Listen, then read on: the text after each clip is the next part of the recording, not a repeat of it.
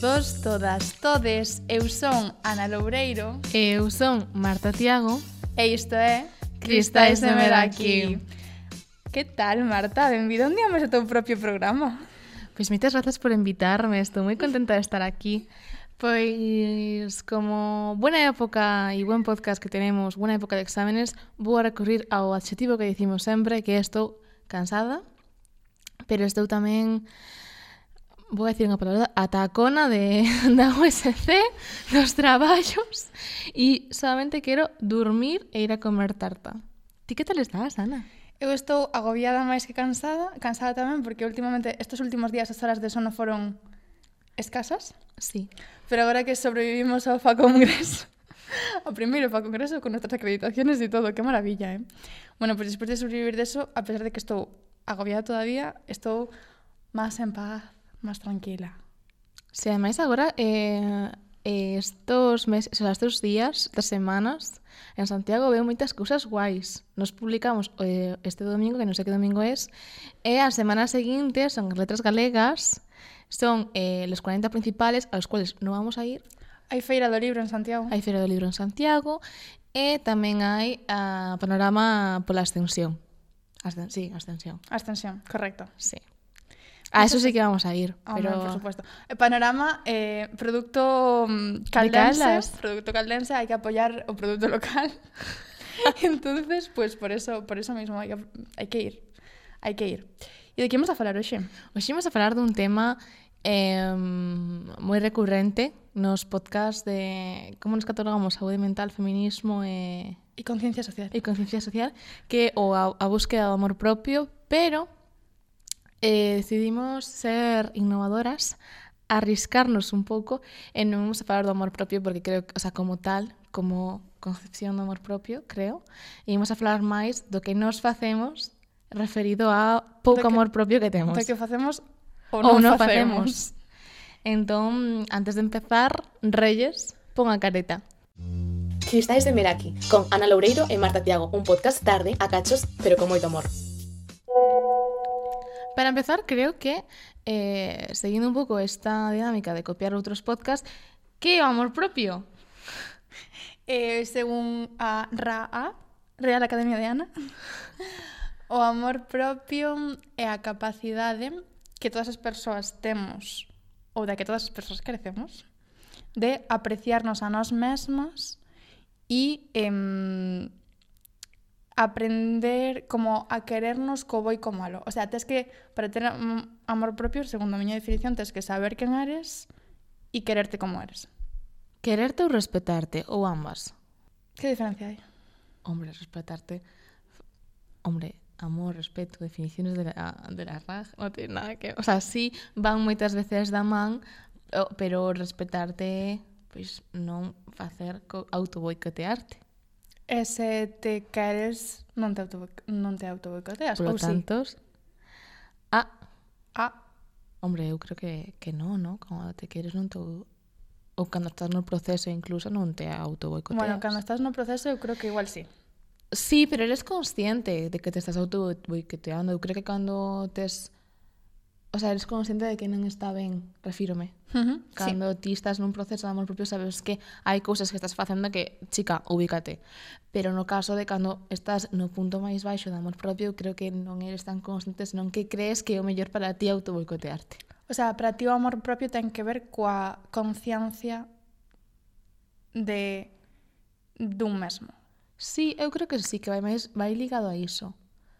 O feito de... Mm, ser consciente do que te rodea, do que eres, do que podes ser, do que fuches, e convivir e respetar todas as persoas que fuches ao longo da túa vida até o momento de agora. Non crees que sexa posible ter amor propio por ti agora se si a túa versión de hai cinco anos te produce repelús? Pode reproducirte repelús, pero tens que aceptar que existiu e non Negala. facer como que non a coñeces ou...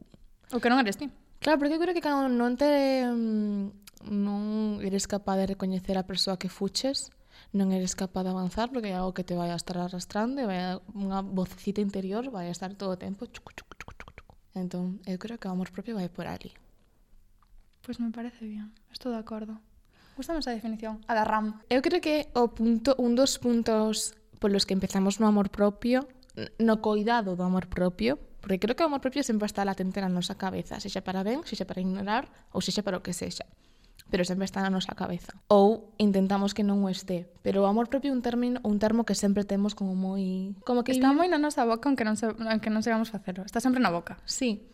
Eu creo que os primeiros pasos que tomas son o autocuidado. Ti que faz para autocuidarte? Ou que non fas? Ou que non fas? Ou, te autocuidas, Ana? no.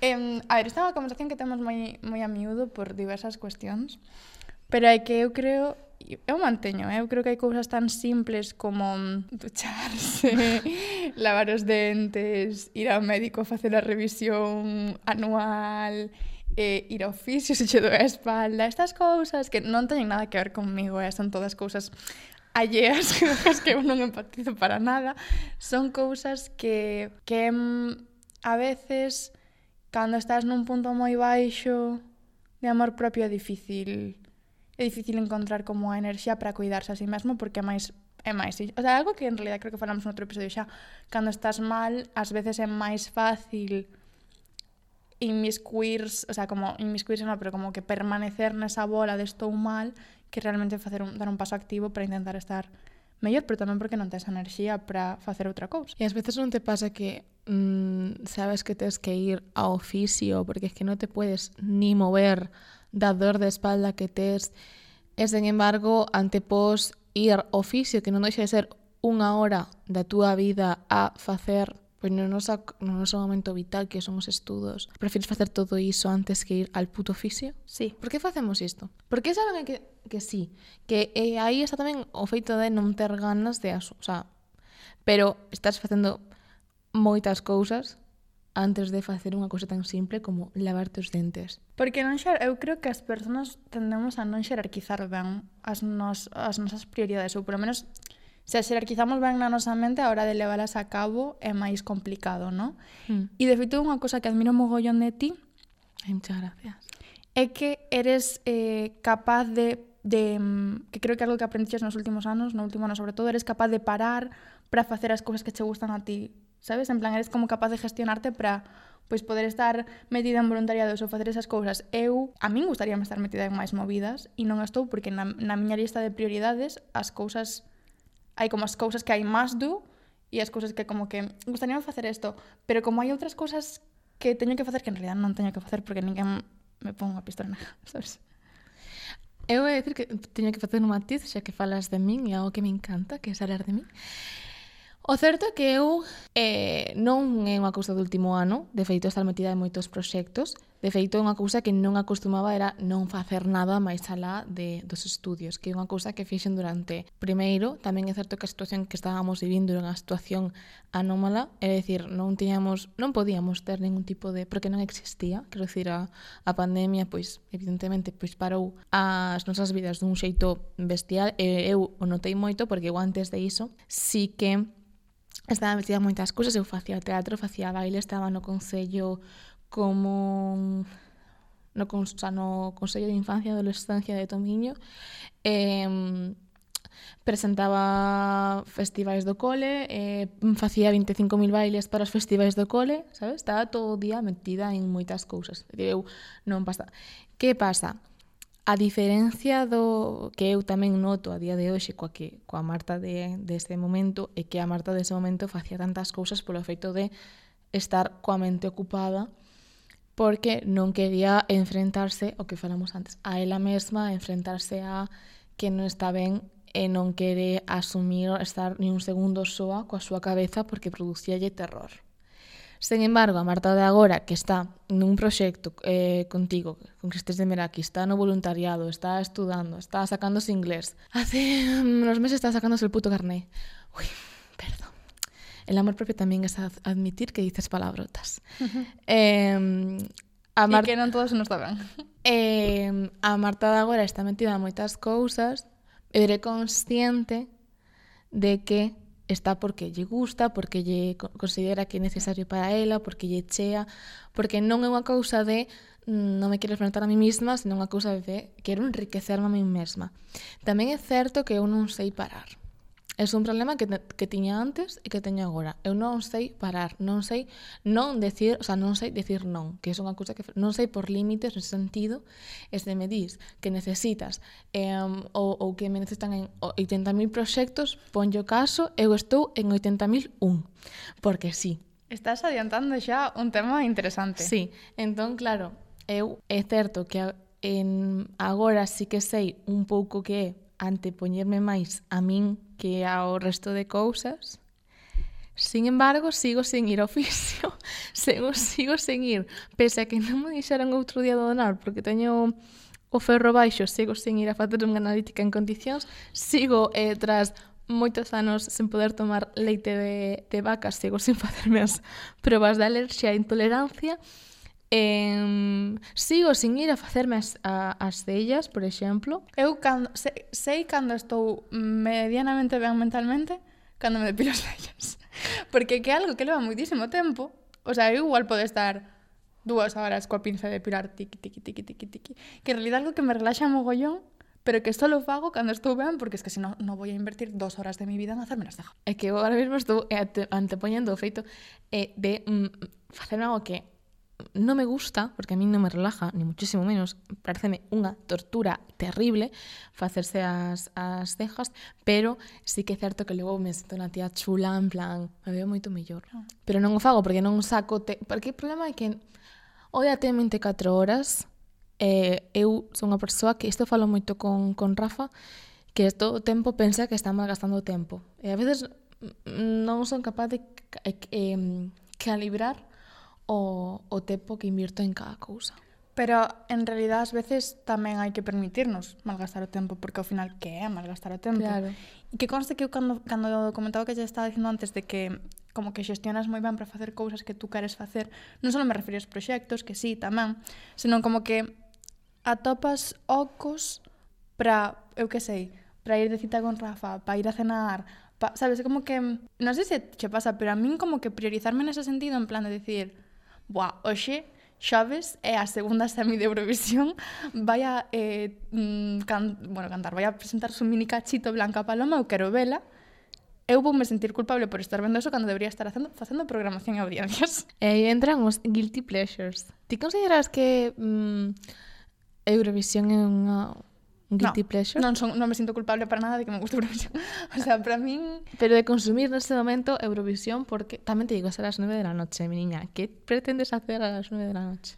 Pues ver... Queres que che digo que vas facer ti as 9 da noite? Frases de inglés. Na conchi. Na conchi. Co cual non estás como para juzgarme ahora mismo. Pero déjame hablar sobre los guilty pleasures. Que para ti un guilty pleasure? Para mí un guilty pleasure... Eurovisión non é un guilty pleasure. No, porque para que fora guilty teria que sentir... A que vai a facer frases de inglés? Para que fora guilty teria que sentirme culpable, no? Uh -huh. Non me sinto culpable. Eh, para min un guilty pleasure é... Buah, é que sobre, é que sobre todo a comida, tío. O sea, a min comer faime sentir tan ben. É como que é super... O sea, non é super malo, pero en parte é malo porque é rollo non podo depositar as miñas esperanzas e soños en un goico. Pero lo hago. Pero ao mesmo tempo, bueno, falábamoslo cando preparábamos o cap, non? Ao mesmo tempo, a hamburguesa que me fai miña nai con la ternera de casa está mucho máis rica que el goico. Pero o guilty pleasure é o goico, non outro. E a satisfacción mental vai dar o goico. E que, de feito, isto eh, o falaba co miña psicóloga na última sesión, o do xove, sí, o xoves pasado, eh, eu tiño moito problema a hora de comer eh, comida bueno, espero que non escoite, pero vou a, para que todo o mundo entenda, comida basura.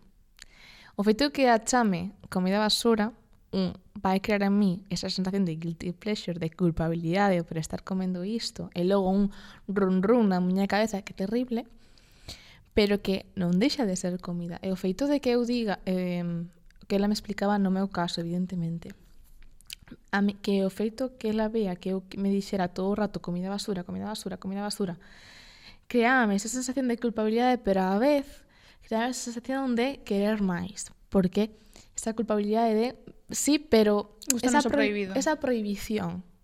No momento que normalizas eh, porque ela puñame un exemplo cal era a miña comida favorita? A miña comida favorita é a ensalada de pasta. E preguntábame ti verías te comendo ensalada de pasta tres veces a semana? no, pois pues está. Pois o mesmo pasa coas hamburguesas, o sea, coa, no meu caso as hamburguesas do, do Burger King. No momento en que eu empezo a normalizar esa comida, eu personalmente, Marta Tiago, ao resto do mundo, pois non o sei, pero no momento en que Marta Tiago normaliza a hamburguesa, xa non vai tener ter esa necesidade, esa ansia, esa ansia por comer. Eh, sabes cal é cal é tu crítica? E que vas te rir un montón. Son as batacas de bolsa.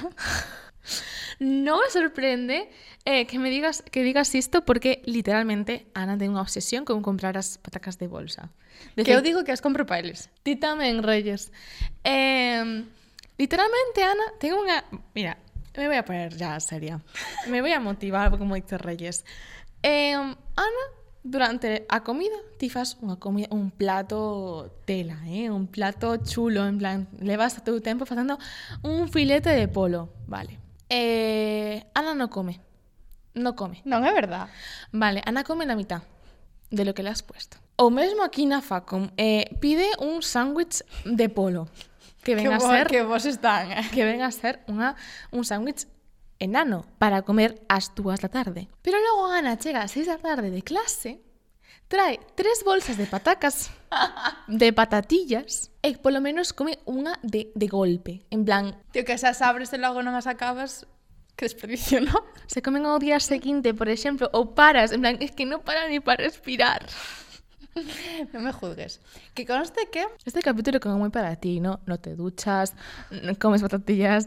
O sea, es un programa... Marta, por... no programa de amor propio. Estas críticas hacia a miña persona non están permitidas. Vale, disculpa. Non están... Porque eu creo que un punto de amor propio... Bueno, un punto de amor propio que estoy trabajando en él é eh, alimentarme mellor. Uh -huh. Eso é moi importante. Uh -huh. Yo lo sé, eh, yo lo intento. Estou en, estou en eso. Ah, Hoxe a carbonara buenísimo. Gracias. Este programa non sei se vai de amor propio de comida, pero bueno, avanzaremos máis en outros temas despois. Ahora os aguantáis. Eh, para min saber que si eu hoxe teño un día plof e me apetece ir ao súper e comprarme unha bolsa de patacas fritas e comprarme unha bolsa de patacas fritas e non sentirme mal despois, para min é un símbolo de que ese día me estou querendo a mí mesma. Porque eu creo que a culpabilidade é un dos síntomas principais da falta de amor propio. A culpabilidade? Eu creo que sí. Pero antes de entrar na culpabilidade, imos a falar sobre cousas xa que o, o dis, o tema de comer, que no teu caso acabas de meter unha mentira como na casa porque compras patatas patatillas todos os días. Non é verdad. Eh, que cousas facemos? Non é verdad porque agora a mañá nai escoita este podcast, non é verdad.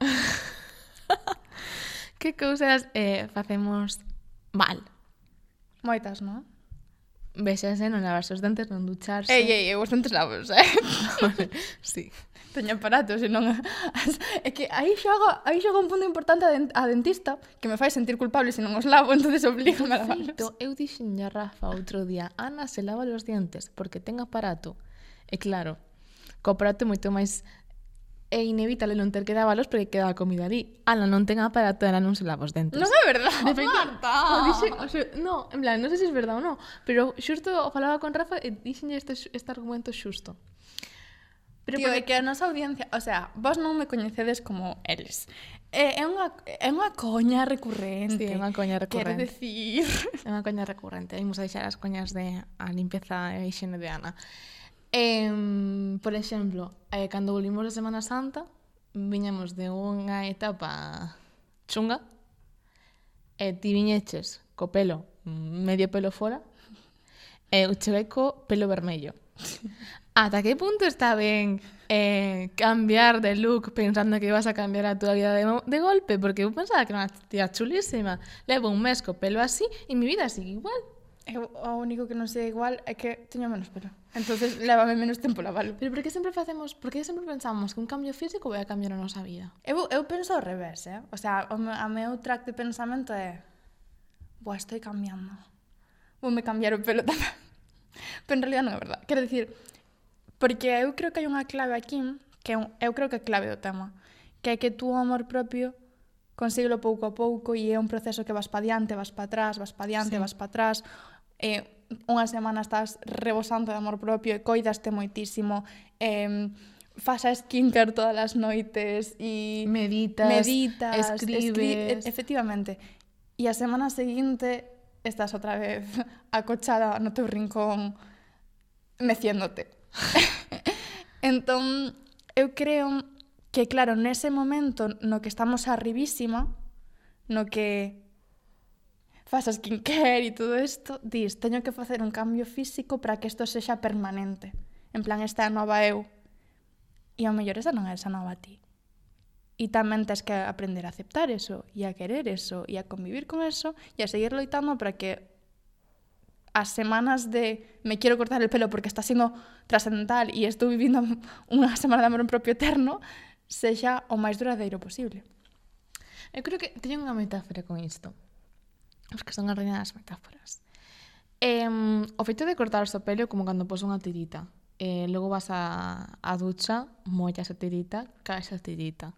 Pois o mesmo, cortas o pelo, non faz un, o que diste un cuidado continuo, permitindo-te estar mal, pero sabendo que te estás permitindo e que tens que remontar e así, Cando ti te cortas o pelo e leves a realidade tal e como a tiñas antes, é como a auga sobre a tirita, cae. En plan, cae esa percepción de mi vida ha cambiado. Eu creo que eh, cortar o pelo, no meu caso, eu cortei o pelo, pedín cita para cortar o pelo porque levaba dous días escuitando podcast de psicología. Eu pensaba que eu xa sabía lo que era o cortisol, o que eran as personas vitamina, yo me creía, vamos, experta. De feito, cando cheguei a psicóloga, dije, estoy moi bien, me ves, pelo nuevo, vida nueva, mentalidad nueva. Esas, esa sesión lloré mucho, porque era todo mentira, era todo mentira.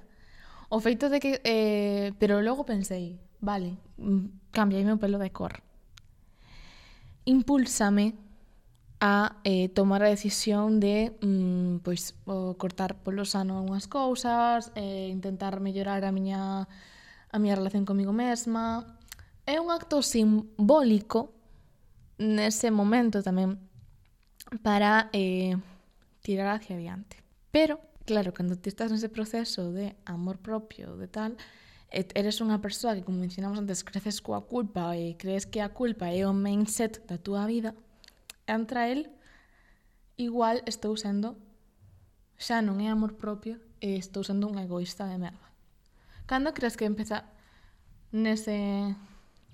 Cando chegamos a ese punto, persoas que, que somos unhas people mm, pleaser, sobre todo. Eu, eu creo que mm, creo que no noso caso ven moito por iso. Nos outros casos non sei. Eu creo que a cousa é que somos como somos unha a cousa en realidad creo que que asociaría que como somos unhas people pleaser costanos máis marcar límites, que o que comentabas ao principio antes, ¿no? Creo que o de mm, o de diferenciar entre narcisismo e amor propio, que me parece moi peligroso incluso, o sea, propuxen eu este tema, esta parte do tema, pero parece incluso perigoso porque pode O sea, porque a min pásame, ¿no? O sea, no proceso de quererme a min mesmo, a veces como que analizo dende fora e penso isto é amor propio ou estou sendo yo, yo, yo, yo, yo? É que, de feito, falábamos onte que para min non era unha cuestión de narcisismo, unha cuestión de egoísmo. Pero bueno, continúa. Claro, é que igual estiven reflexionando sobre o que me dixeches e igual na búsqueda do amor propio non chegas ao narcisismo, sino que si xa eres narcisista, camúflalo por... O sea, cando tú estás, cando tú eres unha persona egoísta e faz algo que sabes que é egoísta, camúflalo, no... Es que me estoy cuidando a mí mesma. E que eu, xusto cando falamos deste tema, pensei nunha persoa en concreto. Veuseme unha persoa eh, que considero que ten un, eh, un amor propio baixo e que é unha persoa narcisista. E cando está en busca de amor propio, realiza actos egoístas baixo o seu narcisismo, pero xa era narcisista tendo o seu amor propio. O sea, mm. non tendo amor propio. Entón eu creo que unha, nar, o sea, eu creo que cando quere mm, o narcisismo é moi importante neste proceso, creo, pero porque é como detonante de pasar de amor propio a egoísmo. Hmm. O sea, eu creo que usar o amor, usar como concepto de amor propio pervertilo e convertilo en algo que non é. Igualmente, hai unha psicóloga en que fai vídeos en Youtube Claudia Nicolasa, creo que se chama, que a coñecín porque comentaba a Isla de las Tentaciones, que fala moito dos trazos de personalidade e fala moito do, do narcisismo tamén. E, e mm, como que me parece super interesante, non sei se estou de acordo de todo, deberían informar máis ao respecto, pero parece moi interesante a súa concepción de Ela eh, acusa que mm, últimamente hubo unha polémica porque la chamou narcisista a unha persona da Isla das Tentacións. E a persoa en concreto sentise super ofendida, entonces en redes empezou a poñela a parir de, o sea, de todo. Como, como, como caldo, vamos, fatal, fatal, fatal. E ela que o que comentou na resposta a, a eso foi Eu non estou dicindo que seas mala persona, cada persona ten os seus trazos e tú tes trazos narcisistas. Punto, non significa que sexas mala persona ou non. A cousa é o que faz con eso. Entón, como me parece interesante. Hmm. Hmm. É que, claro, custa moito eh, unha persoa narcisista non, pero unha persoa egoísta custa moito vela como boa persoa. Eu considero egoísta. Consideraste egoísta? En que sentido? Tamén é verdade que nace da culpa, eu creo.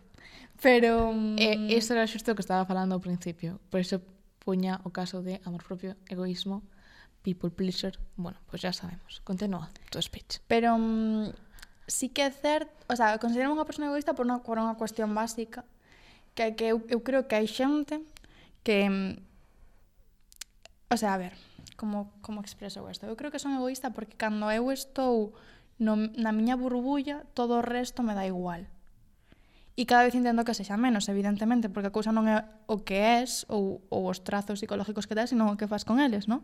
Pero eu, eu si estou agobiada ou si eu estou mal, non me vou a parar a pensar en ai, como estás? E a min eso parece egoísta. Eso sí. é egoísta. Sí, eso é es egoísta. Que é algo no que estou traballando.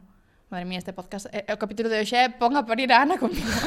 eh, pero sí, eh, sin embargo, algo que me fai sentir moi ben e que me dá moito chute de amor propio é, vale, eu sei que son así, eu sei que teño este trazo, eu preocúpome de que cando estou mal e sei que me vou encerrar na miña burbulla de lo único que me importa é mi malestar, eu preocúpome por ter en conta que eso vai a pasar e que teño que salir.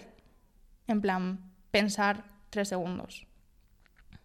E que eu creo que o, para min o punto de iso non é o feito de que non te centres no resto, porque non te esforzas para centrarte no resto de cousas, excepto que ti estás mal, estás nun proceso de pois pues estou mal, non estou ben, non, non teño forzas para máis. Creo que o punto que cambia nunha persoa que está nun momento baixo, unha persoa que é unha persoa egoísta, é como em, ti podes estar mal, pero non tens por que arrastrar o resto. E non tens por que contagiar o resto, non tens por que implicar o resto. Quero dicir, hmm. ti estás, ti, eu, eu estou mal. Eu sei que cando estou mal eh, sou unha persoa moi arisca, moi borde, mm, teño mm, salto cun peliño de ovo. Ah, eu son consciente de iso, pero non te vou, a, vou intentar, polo menos, conscientemente, non pagalas nin contigo, nin tratarte mal, nin Eh, mm, por exemplo, estou hasta arriba de traballos, non te vou deixar tiradas, temos un traballo en grupo. Eso é egoísta. Eu creo que anteporte a ti mesma nun momento no que no, non propio. tes eh, ningún tipo de mira máis alá do que te está pasando a ti, do que estás sentindo, non creo que sexa egoísta. O punto de egoísmo é cando arrastras ou em, afecta ao resto ou cando sobrepasas os límites do resto. Vale, teño unha nova definición de egoísmo. E entonces non me considero egoísta. Ben, Victoria, un poquito máis de amor propio. eh, creo que o egoísmo é cando tú estás mal e preferirías que a outra persona estivera mal en vez de ti. Eu non sei se tanto como a iso, pero eu, eh, así, ligamos xa co tema dos límites, eu creo que cando ser un, o sea, cando tes un acto egoísta, é cando te, estés ben, estés mal, estés neutral, actúas por encima dos límites das outras persoas, sobrepasando incluso os teus límites, que igual ti tes uns límites marcados, e os sobrepasas eres como un tsunami. E che dá igual arrasar contigo e co resto. Eu creo que aí está a diferencia. O digo igual moi encendida porque... porque é un tema que toca. É un tema que toca. Pero eu creo que ti podes eh, aislarte, ti podes eh, encerrarte na túa burbulla, eu aí non me vou a meter no, no que ti decidas sobre, sobre o teu amor propio, sobre o teu propio cuidado, porque ninguén vai a saber mellor que a ti o que debes facer, e ninguén peor que ti vai a saber, tanto un punto como a outro, eu aí non me vou a meter. Agora ben, cando me toca a mí, cando me arras, arrasas comigo, evidentemente me vou a meter, porque aí xa non estás sendo, non estás un acto de amor propio, E igual non o fixeches conscientemente, pero estás atacándome a min, aos meus límites, a miña estabilidade, polo feito de buscar que ti estés ben. Isto tampouco me parece xusto. E tú sabes marcar os límites? No, no. A los hechos me remito. Eh, Eu creo que non sei marcar os límites. Eu creo que nese sentido estou sendo agora consciente, tamén che digo, tres anos de, psico de psicóloga pagando chiquiclín, chiquiclín, para estar consciente de que non teño ningún límite marcado. Eh, son unha people pleaser a que lle gusta que literalmente lle encanta que xente sobrepase por encima dela para sentirse mellor consigo mesma porque así sinte que está facendo algo para esa xente eh, mm, minoriza esa voz de culpable, soy de buena persona, soy buena persona. Soy mejor persona que esta persona que está pasando por encima de mí. Sí, sí. Sí. E de feito, iso a día de hoxe que estou coñecendo que é a palabra límites. O que é intentar marcalos, e, que creo que falábamos nun capítulo, non me acordo en cal, creo que era a primeira temporada, ou mesmo co último co, co último episodio que aínda non saiu, o feito de, mm, de reaxustarme, reaxustar eh, quen son, que quero, que, que non quero, está arrasando con todo, con todo que tiña coñecido como vida, amistades, amor, etcétera, etcétera, etcétera. Claro, porque ao final cando non marcas os límites e de repente comezas a marcalos, hai un cambio sustancial na tua vida e como os demais te perciben tamén, non? Sí. De feito, a mí é algo que, mm, que me dá moito medo. Marcar... Se nota. Desarrolla, desarrolla. O sea, eu, como ti, son unha people pleaser que rara vez en súa vida ha marcado algún límite. E can agora que me gustaría empezar a marcalos, dame, dame medo, o sea, dame, preocúpame que preocúpame como me vou a sentir eu eh, cando teña que dicir no, preocúpame como me vayan... Claro que aquí chega unha cuestión vital, no asunto do amor propio, que é que eh, se non tes amor propio, o teu amor propio constrúelo en base ao que os demais pensan ou din de ti. Entón, eh, pois dame medo, porque non, o sea, temos un, temos un episodio para falar de amor propio e spoiler, me miedo. non tenemos amor propio. Estamos, estamos engañado. Eh, a min importame moito que pensa xente, importame moito A min son, considero que son unha persoa que lle afectan moito os cambios na súa vida, sobre todo se se refiren a relacións, polo feito de que non... Sí, pese a que teña moitas... Esta vida dá moitas vueltas. Eh, teño un gravísimo problema co tema do abandono por cuestións persoais. Eh, pero mira, sabes que te digo? Tengo un miedo increíble al abandono. Pero o feito de coñecer os límites e, e eh, ver que é o que non quero, sobre todo que é o que non quero, e, e tamén, pois eu creo que a cousa de por límites tamén, no meu caso, foi moi ligado a sobreanalizar que era o que me rodeaba e que era o que me producía cortisol, que eso non lo voy a explicar porque non no tengo yo el título para explicarlo, lo, lo buscáis. Unha hormona. Eh, um, chico, ven que senta. Acabar con relacións, non é que sente ben no momento, evidentemente, pero ves a, a un prazo de dos meses e, e lo ves, o sea, o ves como... Un éxito. Un éxito, un éxito, porque tamén penso que ese tipo de... Hai, hai persoas, non creo que... Vou a refutar o que dixen antes, non creo que todas as persoas egoístas sexan malas persoas. Creo que eh, mm, hai veces que non saben actuar de outra forma máis que esa. Igual tamén vai un pouco ligado ao narcisismo e non, e non son malas persoas. Pero eu creo que puxen un límite que é que non vou a rodearme de persoas que acostumen a ser egoístas. E así eu personalmente estou notando que estou encontrando paz. E esa um, sensación de culpabilidade, de ser literalmente um, servidora de por e para está minorizando porque agora mesmo o feito de marcar limites está axudándome a crear relacións sanas, relacións plenas, pero sobre todo comigo mesma. O sea, quereste máis dende que marcas límites. Sí, sí. Quereste mellor.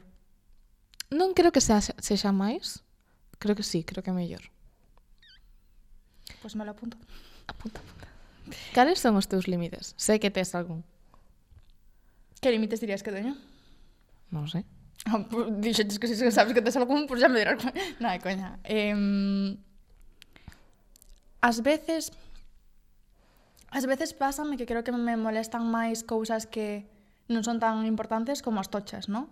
Desde como que pasan moitas cousas tochas que eu non vou a marcar, o sea, como que bueno, a ver, se matas a mi familia, pois pues sí, ¿no? Quero decir límite, pero mm, é como que aínda que fagas algo que que que é moi grave, vaime molestar máis que de repente, yo que sé, unha tontería cualquiera, non se me ocurre agora, pero vaime molestar máis a tontería que a cousa que a cousa grave, porque en realidad a mí o que me molesta é eh, darme conta de que o faz aposta. Hmm. O sea, tú poderías facerme todas as, as putadas do mundo, perdón pola palabra, que eu non vai a ser ato momento no que diga, vale, me estás vacilando, estálo facendo a propósito, dache exactamente igual o que eu che diga, vale seguir facendo, porque non te importo. Para min ese é o límite. E debería marcarlo antes. E iso iba a preguntar ata que punto, porque, o sea, en que momento ti tomas o límite de se acabou? O sea, no te vale que maten a tus padres. No, todo. sí, eso evidentemente también que fagas a propósito, no. Quiero decir, por fin, no. Eh, pero sí, son consciente de que deberían, deberían marcarlos antes. O que pasa que sucede unha cousa e é que eh, eh,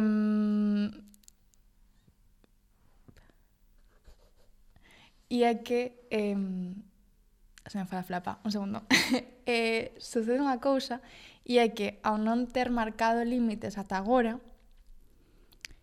este ano que quixen marcalos por primeira vez, sobrepasaron os límites que eu marquei e non fun capaz de decir basta, porque a miña cabeza o que, fui, o que fixo foi decir bueno, como non marcaches límites ata agora, é normal que agora que os estás marcando sobrepásenos Porque nunca o fixeches. Porque non os coñecen.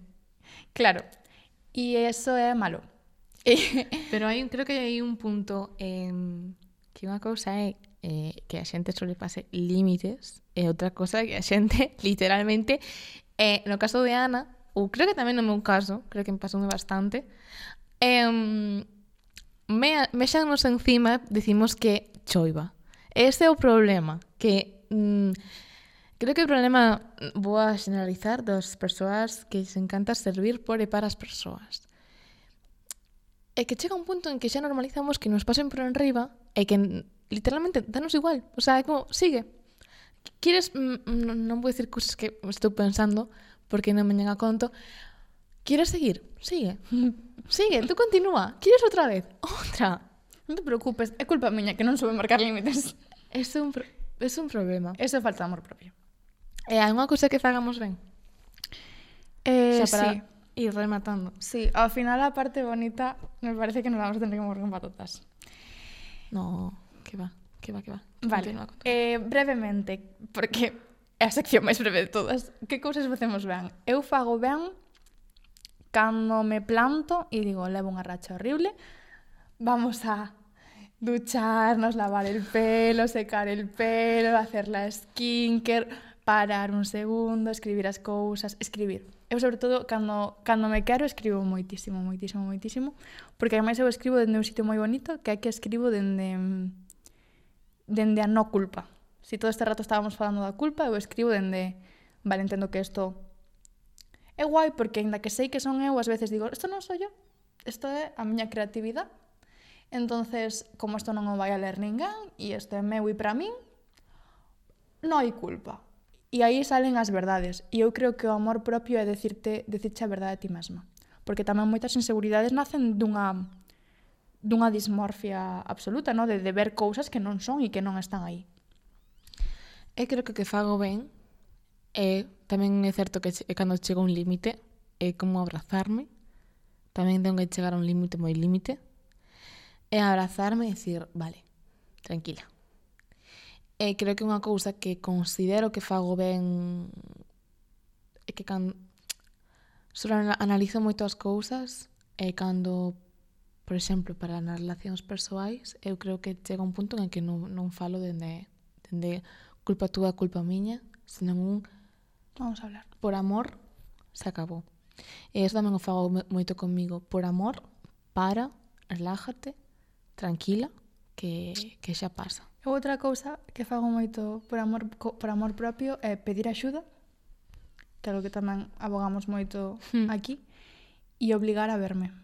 Obligarme a pararme tres segundos diante dun, dun espello, que ás veces hai para moita xente que é moi complicado pararme tres segundos ante o espello e decir vale, estas son eu, son así, así, así, así por fora, así, así, así, así por dentro, estas son eu.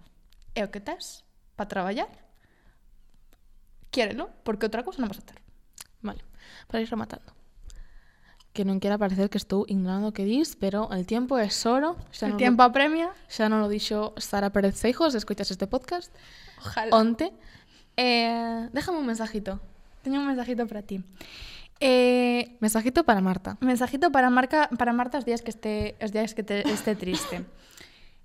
non me iba a preparar, a verdad, porque cheguei á conclusión de que eh, É moi fácil decirte, decirte cosas bonitas. Se ha escrito un guión, es que yo de verdad no puedo más. Pero, como sabes que son fan número un dos guións, no puedo más.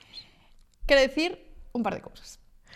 Mira, que rayes al premio, o sea, el tiempo nos apremia, dale, dale bule, dale bule. Vale, básicamente o que quero decir é que, em, bueno, descripción básica de Marta, eres unha das persoas máis creativas que coñezo e creo que cho dis, que, que o dis pouco a ti mesma. Eh, normal, me roban las ideas. Efectivamente. Creo que, creo que te quedas... Creo que ás veces te quedas coa parte negativa, pero... em, joder, tía, se si te roban as ideas é porque tes unhas ideas da hostia. Em, creo que eres unha persona extremadamente apasionada polas cousas que faz, comprometida e coherente, que é moi difícil atopar persoas coherentes na vida, e arelo. E mm, para ser breves, porque mmm, hai que ser breves en la vida tamén, e eres unha persona, mm, tú eres unha persona que vai moito ao punto, a verdad, cando tens que dicir cousas importantes, vas a onde tens que ir. Quero dicir que mmm, alegrome moitísimo de que estés no camiño do amor propio, porque merecelo todo, e porque, em, como tantas outras cousas, ensínanos, ensínasnos moitísimos demais. E eu creo oh. que o máis bonito de Marta é que em, aprendendo a quererte a ti, e sendo mellor contigo mesma, sentas cátedra. Ai, que bonito, me toca. Reyes, en un minuto acabo, te lo digo en serio, eh? eh eu creo, e de feito vou a ser crítica. Joder, macho. Creo que non eres consciente do potencial que tes en todos os sentidos, pero sobre todo, sobre todo como persoa. E creo que eso que ha, ha derivado en que moitas persoas non subesen valorar o pedazo de amiga que eres e o pedazo de persoa que eres, creo que porque ti mesma non sabes, eu digo por experiencia, porque hai que tirar moito de Ana, em, explotar o teu potencial e creo que no momento no que coñezas todo que ou sexas ou queras tamén ser consciente de do de que eres boa persoas e, e, e non tes para que sentirte culpable por eso, porque as boas persoas merecen cousas boas. E ás veces vas, te, vas te encontrar e te has encontrado con gente con xente que non vai a saber valoralo eso non quere mm, que non che faga dubidar do, do da persoa que eres e, sobre todo, que no momento que mm, empeces, porque non empezou, el camino a quererte, vas a descubrir que non vas a estar máis soa, que hai xente que che quere, pero sobre todo que o teu amor é o que máis vale. Que bonito. Eh, e ata aquí o capítulo de hoxe. Teño tantas ganas de que nos queiramos as dúas a tope, a nós mesmas e entre nós, que vai a ser precioso. Vai a ser unha explosión de amor e brilli brilli. Así que moitas grazas, grazas a Reyes. Al final non te fuiste. Sí, sí te fuiste. Ah, vale, vale. Ah, vale. Eh, grazas a vos por estar un meraki máis e vémonos no próximo capítulo. Besos. Queredevos moito e queredevos ben. Ou empezade. Thank you.